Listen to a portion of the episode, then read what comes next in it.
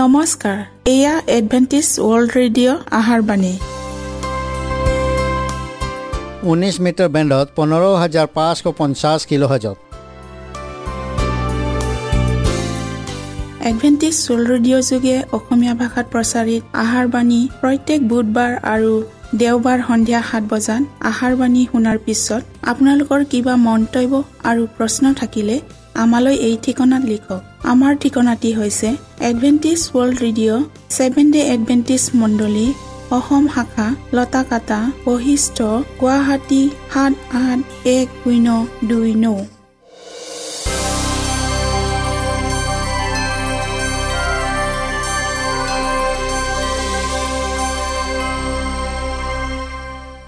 প্ৰিয় শ্ৰোতা বন্ধুসকল এতিয়া শুনো আহক এটি খ্ৰীষ্টীয় ধৰ্মীয় গীত।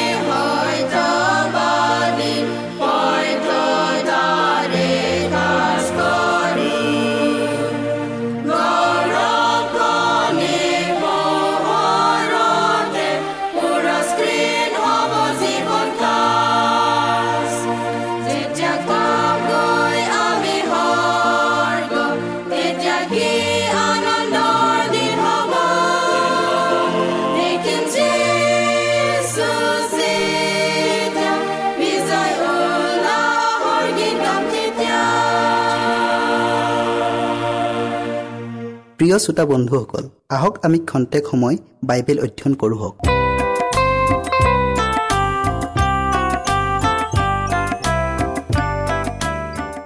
আজিৰ বিষয় হৈছে খ্ৰীষ্টিয়ানে দেওবাৰ কিয় পালন কৰে? আজি অনেক চিন্তাশীল খ্ৰীষ্টিয়ানে প্ৰশ্ন কৰে যিহেতু বাইবেলত শনিবাৰ দিনটোৱেই পবিত্ৰ বিশ্ৰামবাৰ বুলি স্পষ্টকৈ উল্লেখ আছে। এনেস্থলত সৰহ সংখ্যক খ্ৰীষ্টিয়ানে দেওবাৰ দিনটো কিয় পালন কৰে? বিশ্ৰাম দিনটো শনিবাৰৰ পৰা দেওবাৰলৈ কোনে সলনি কৰিলে? কেনেকৈ আৰু কেতিয়া সলনি কৰা হ'ল? ইত্যাদি প্ৰশ্নবোৰে মানুহক চিন্তাগ্ৰস্ত কৰি তুলিছে। শাস্ত্ৰত উল্লেখ আছে সৃষ্টিৰ প্ৰথম সপ্তাহৰ শেষ দিনটোক ঈশ্বৰে আশীৰ্বাদ আৰু পবিত্ৰ কৰি নিজে বিশ্ৰাম কৰিলে। এয়া পৃথিৱীৰ জন্মদিন। ঈশ্বৰৰ সৃষ্টিৰ মহান কাৰ্যক সোঁৱৰণ কৰিবৰ অৰ্থে এই সপ্তম দিনক পৃথক কৰা হ'ল। ঈশ্বৰে বিশ্ৰাম দিনক কেতিয়াও সলনি কৰা নাই।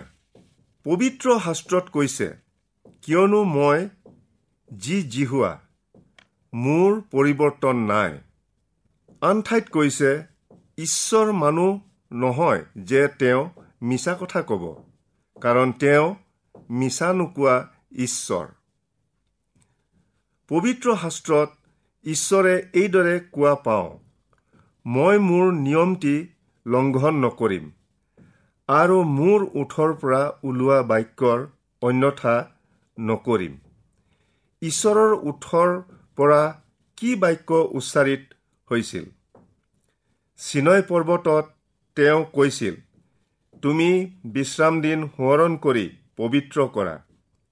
কিন্তু সপ্তম দিন তোমাৰ ঈশ্বৰ যি হোৱাৰ উদ্দেশ্যে বিশ্ৰাম দিন। আমি জানো যে তেওঁ মিছা নোকোৱা ঈশ্বৰ। আপুনি ইয়াত নিশ্চয় সমৰ্থন জনাব নহয় জানো? যীশুৱে বিশ্ৰাম দিনক কেতিয়াও সলনি কৰা নাই। যীশুৱে কৈছিল মই মুচিৰ বিধান আৰু ভাওবাদীসকলৰ বাক্য বিনষ্ট কৰিবলৈ আহিছোঁ বুলি নাভাবিবা। বিনষ্ট কৰিবলৈ নহয় কিন্তু সিদ্ধ কৰিবলৈহে আহিছোঁ। যীশুখ্ৰীষ্ট ঈশ্বৰৰ আজ্ঞাৰ বাধ্যতা আছিল। তেওঁ ঈশ্বৰৰ বিধানৰ স্থিতিৰ ৰূপ এইদৰে কৈছিল মই তোমালোকক সত্য কথা কওঁ। শুনা স্বৰ্গ আৰু পৃথিৱী শেষ নহয় মানে। বিধানৰ এটি আকাৰ ইকাৰ বা এটি বিন্দু লুপ্ত নহ'ব। মন কৰোঁ হওক স্বৰ্গ আৰু পৃথিৱী এতিয়াও ইয়াতেই আছে। সেয়ে ঈশ্বৰৰ বিধান আৰু তেওঁৰ পবিত্ৰ বিশ্ৰামবাৰো বৰ্তমানেও আছে। এইখিনিতে কোনোবাই সুধিব পাৰে যীশুৱে বিশ্ৰামবাৰ কোনো প্ৰকাৰে সলনি কৰা নাই বুলি জনাৰ কিবা উপায় আছেনে? হয় আছে। যীশুৱে জিৰচালেম নগৰ পতনৰ বিষয়ে ভাৱবাণী কৰি শিষ্যবিলাকক কৈছিল জিৰচালেম নগৰৰ পতন সত্তৰ খ্ৰীষ্টাব্দত হৈছিল। তোমালোকৰ পলোৱা যেন জাৰকালি বা বিশ্ৰামবাৰে নহয় তাৰ নিমিত্তে প্ৰাৰ্থনা কৰা। যীশুৱে তেওঁৰ ক্ৰুচীয় মৃত্যু আৰু উত্থানৰ ঊনচল্লিছ বছৰৰ পাছতো বিশ্ৰামবাৰ পালন হৈয়েই থাকিব বুলি কৈছিল। সত্তৰ খ্ৰীষ্টাব্দত ৰোমিয়া সৈন্যৰ দ্বাৰাই জিৰচালেম নগৰৰ পতন ঘটিছিল।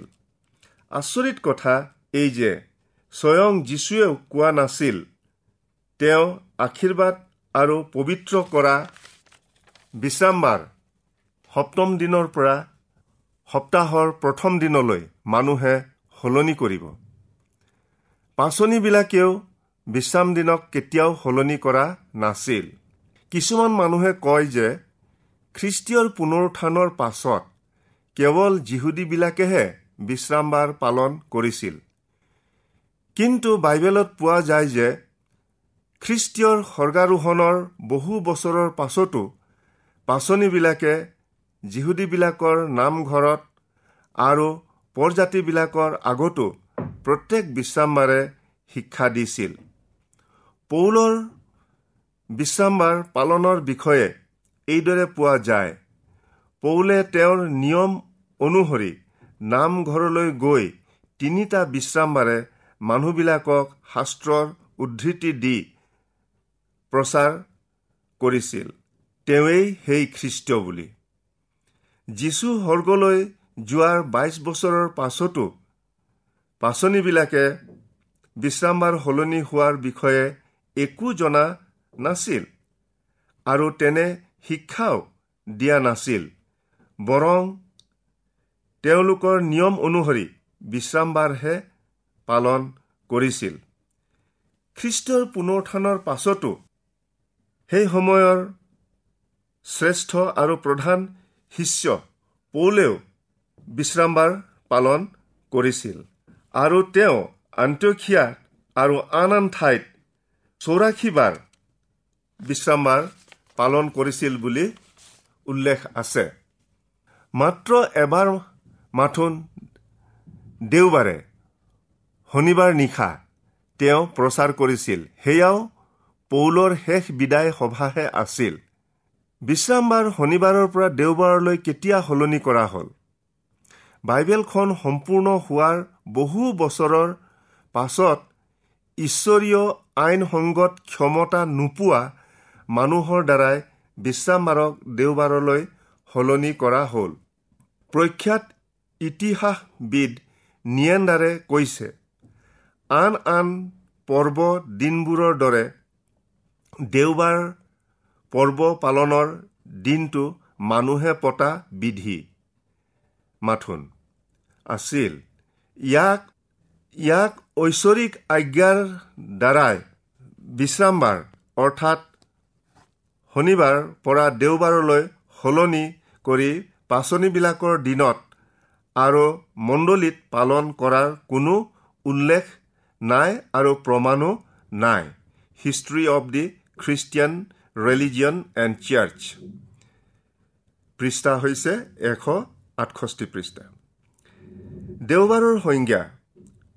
আমি এইদৰে পাওঁ দেৱ পূজকবিলাকৰ বিশেষকৈ সূৰ্য উপাসকবিলাকৰ এটি প্ৰধান পৰ্বদিন North British Review volume eighteen পৃষ্ঠা হৈছে চাৰিশ ন ৱেবষ্টাৰে দেওবাৰৰ সংজ্ঞা এইদৰে দিছে দেওবাৰ দিনটো সূৰ্য উপাসকবিলাকে সূৰ্যৰ উদ্দেশ্যে উৎসৰ্গ কৰা সপ্তাহৰ প্ৰথম দিন।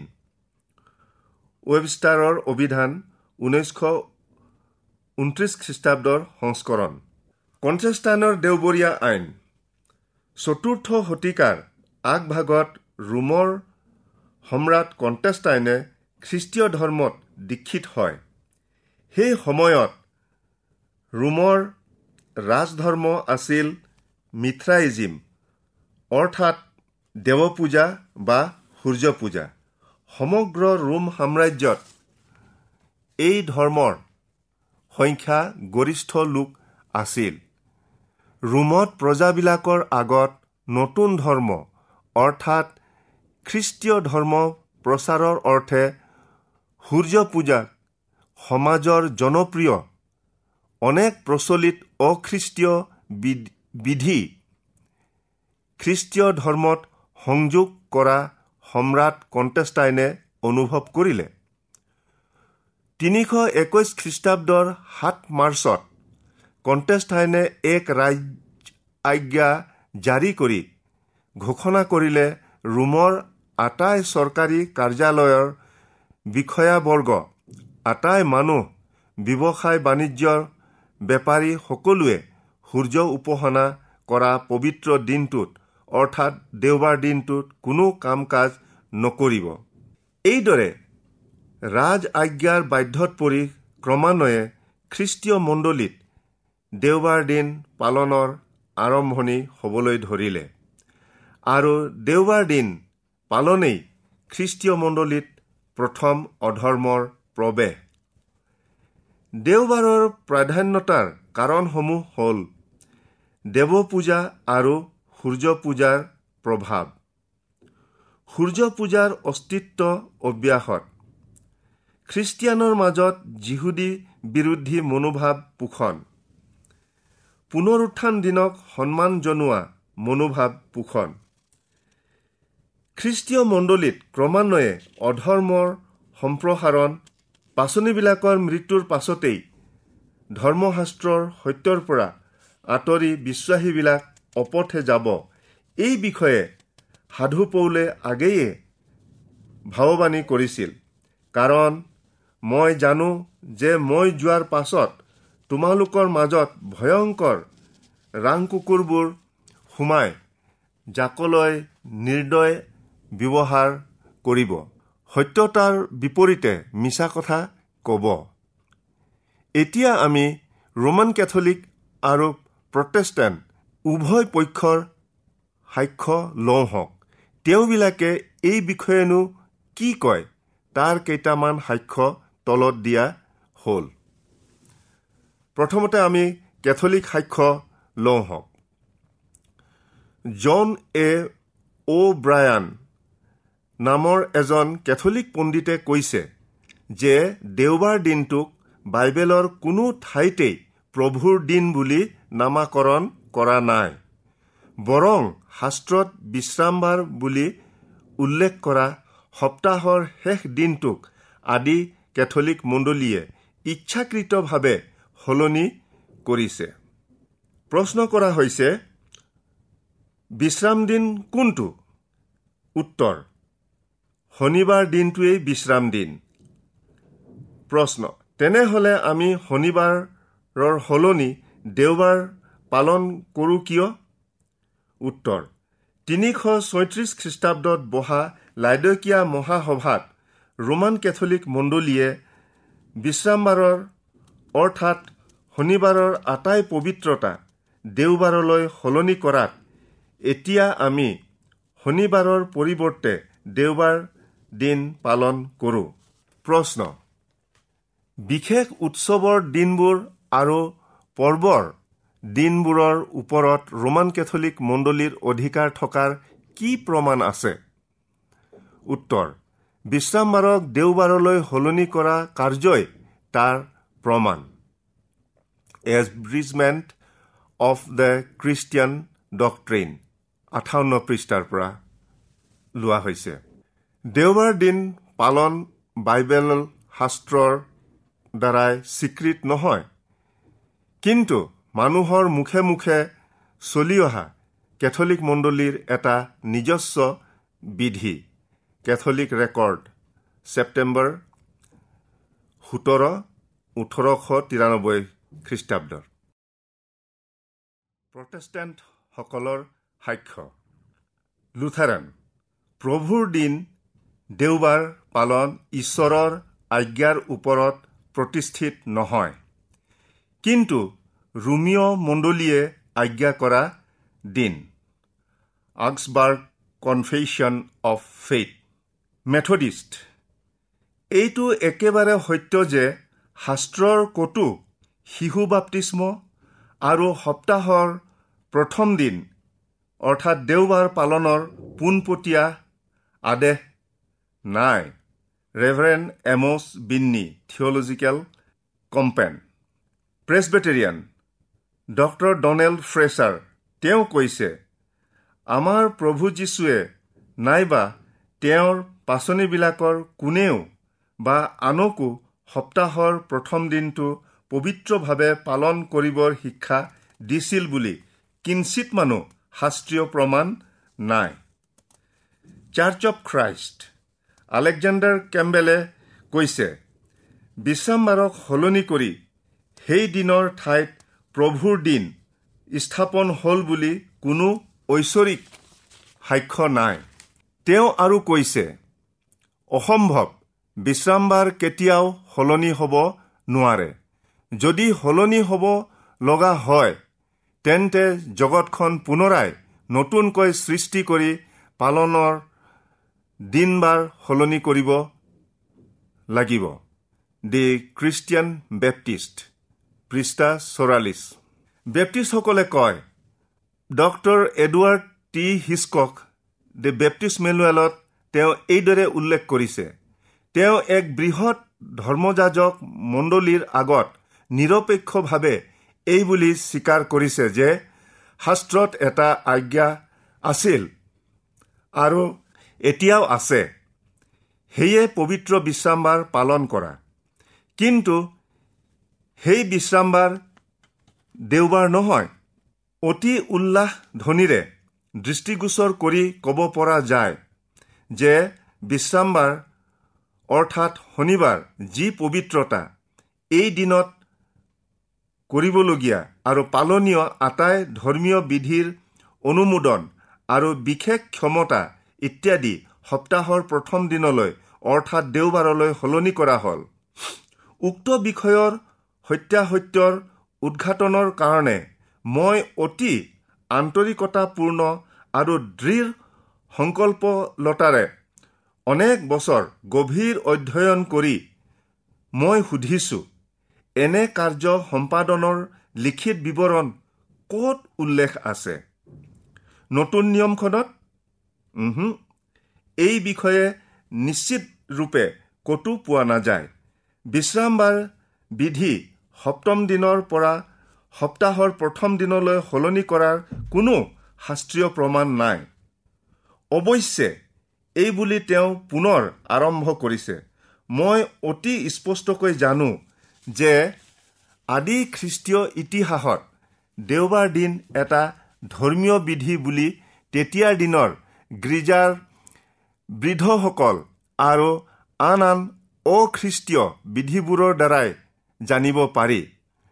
কিন্তু কি যে পুতৌ লগা বিষয় দেৱ পূজকৰ প্ৰতীকেৰে নামাকৰণ আৰু সূৰ্য দেৱতাৰ উদ্দেশ্যে উৎসৰ্গিত আৰু খ্ৰীষ্টীয় নামধাৰী মণ্ডলীৰ দ্বাৰাই অনুমোদন কৰা দেওবাৰ দিনটোক বৰ্তমানৰ প্ৰটেষ্টেণ্ট মণ্ডলীসমূহক পালনৰ অৰ্থে ইচ্ছাপত্ৰৰে দান কৰিলে। নিউয়ৰ্কত বহা বেপ্টিষ্ট মহাসভাৰ ধৰ্মযাজকসকলৰ আগত প্ৰকাশ কৰা প্ৰতিবেদনৰ পৰা উদ্ধৃত। বাইবেলে কি কয়? যীশুৱে কৈছিল পুৰুষে পুৰুষে চলি অহা বিধিৰ কাৰণে তোমালোকেও ঈশ্বৰৰ আজ্ঞা কিয় উলংঘন কৰিছা?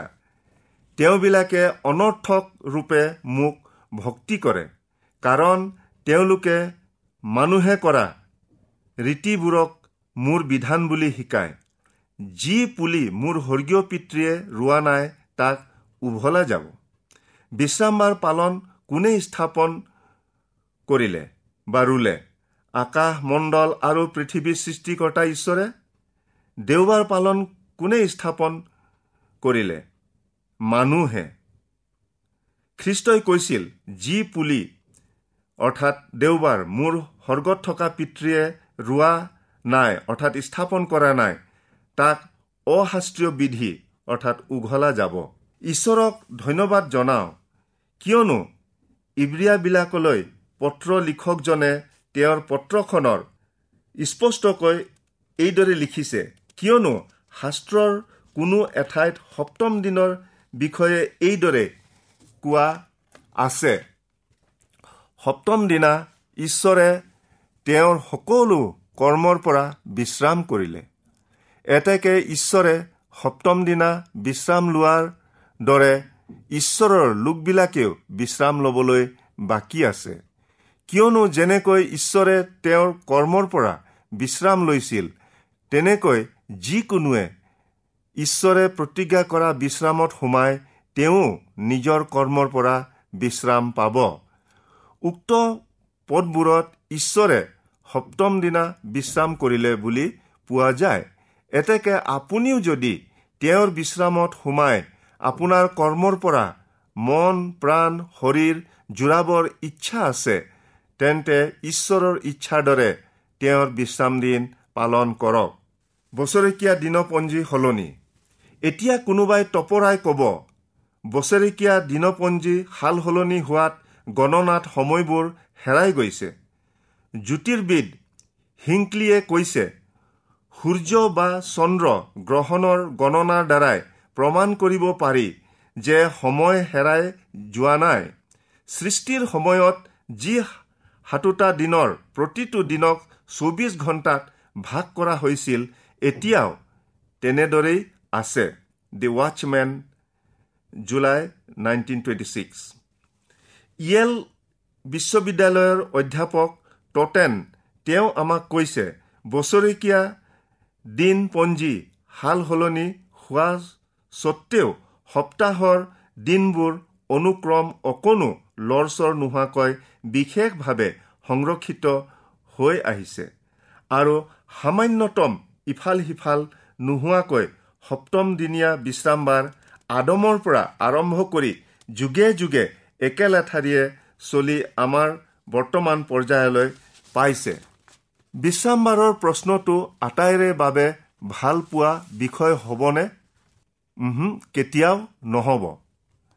কিয়নো ছয়তানে ঈশ্বৰৰ পবিত্ৰ বিশ্ৰামবাৰক ঘীন কৰে আৰু বিশ্ৰামবাৰ পালন কৰোতাবিলাকক খং কৰে কাৰণ তাৰ ধ্বংসৰ অলপ কালহে বাকী আছে। যীশুৱে কৈছিল তোমালোকে যদি মোক প্ৰেম কৰা তেন্তে মোৰ আজ্ঞাবোৰ পালন কৰিবা।